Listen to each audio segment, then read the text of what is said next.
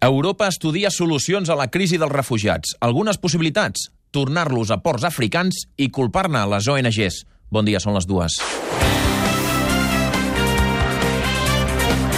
Catalunya migdia. Amb Òscar Fernández.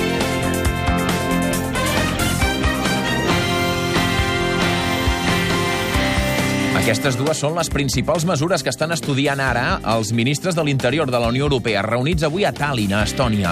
En lloc de centrar-se a trobar la manera d'acollir els immigrants, els 28 segueixen buscant la manera de fer que n'arribin menys fins als seus estats. I les maneres que estudien són aquestes dues que us deia.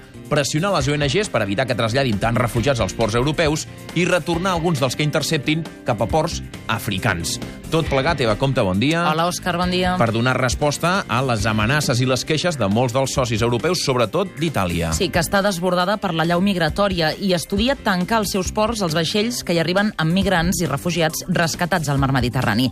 Sentim el ministre espanyol Juan Ignacio Zoido. Hay que concienciar a las ONG que se está para ayudar y no se está para favorecer o potenciar eh, inmigración irregular cuando esa inmigración irregular lo que está dando lugar es a que corran peligro en el Mediterráneo como está sucediendo con demasiada frecuencia. De seguida anirem cap a Brussel·les i cap a Roma, on s'està parlant d'aquests problemes amb la immigració.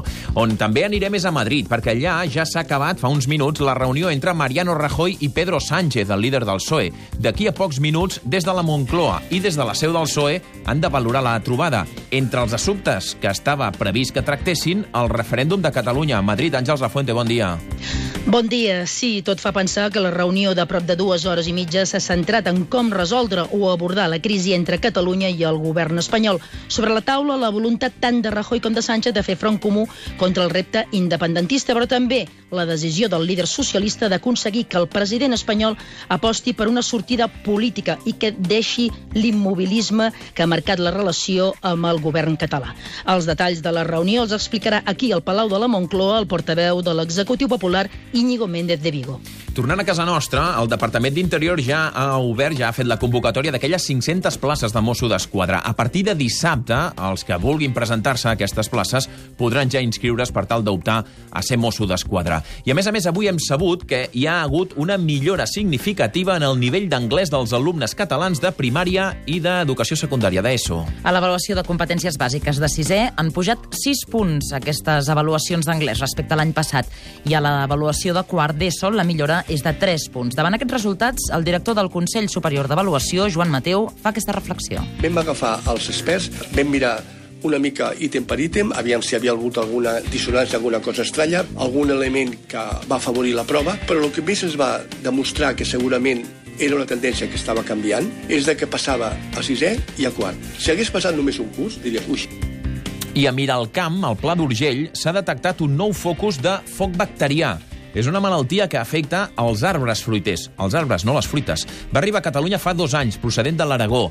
A les comarques de Lleida, però, ja fa dos anys que no es lluita contra aquest foc bacterià perquè, com dèiem, les mesures per fer-hi front no van ser efectives. Lleida, Josep Maria Perelló, bon dia. Hola, bon dia. Doncs inicialment se subvencionava la crema de les plantacions afectades i les del seu entorn per erradicar aquesta malaltia, però era una mesura molt cost, amb un cost econòmic molt elevat perquè a l'Aragó no es lluitava contra el bacteri. Per això, des de fa dos anys, s'ha decidit a conviure amb la malaltia i limitar-se a fer actuacions en cada focus per evitar que s'expandeixi. I avui arrenca un dels grans festivals de l'estiu, el Festival de Paralada, a l'Alt Empordà. S'inaugura aquesta nit amb un espectacle del Bejar Ballet de Lausanne. Gilles Roman és el director artístic d'aquest ballet suís. Quand je travaille sur une chorégraphie de Maurice, je ne change absolument rien.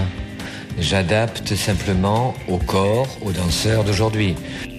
Un altre dels plats forts del festival serà l'estrena d'una nova producció de Madame Butterfly de Puccini. I quan passin 5 minuts de dos quarts serà el moment de les notícies pròximes. Avui comencem el repàs a Tarragona, Manel Sastre. Sí, els Mossos d'Esquadra investiguen l'entorn familiar de la dona trobada morta a la Bisbal del Penedès, al Baix Penedès, després que hagi perdut força la hipòtesi del robatori. L'autòpsia ha confirmat que la dona va morir de forma violenta per asfíxia i la filla diu que només han trobat a faltar un moneder. De Tarragona anem a Barcelona, Quim Balaguer. L'Ajuntament de Barcelona dona per esgotada la via de la negociació en el conflicte del metro després que els sindicats han rebutjat l'arbitratge de la Generalitat. TMB estudiarà altres sortides mentre segueixen convocades les vagues dels dilluns. Anem ara a Girona, Clara Jordan. Mobilització ciutadana i judicial a la Catalunya Nord davant la pèrdua d'hores de català a les escoles i instituts. Els centres de secundàries estan fent dues hores i no les tres que marca la llei i a la primària hi ha set escoles que no tenen cap mestre catalano-parlant assignat. I acabem el repàs a Lleida, Noelia Casellas. La multinacional Carrefour presenta un macroprojecte comercial i d'oci per a la ciutat de Lleida. Preveu una inversió de 180 milions d'euros, un gran hipermercat i un centenar d'establiments. Donarà feina a 3.000 persones quan estigui obert a finals del 2020.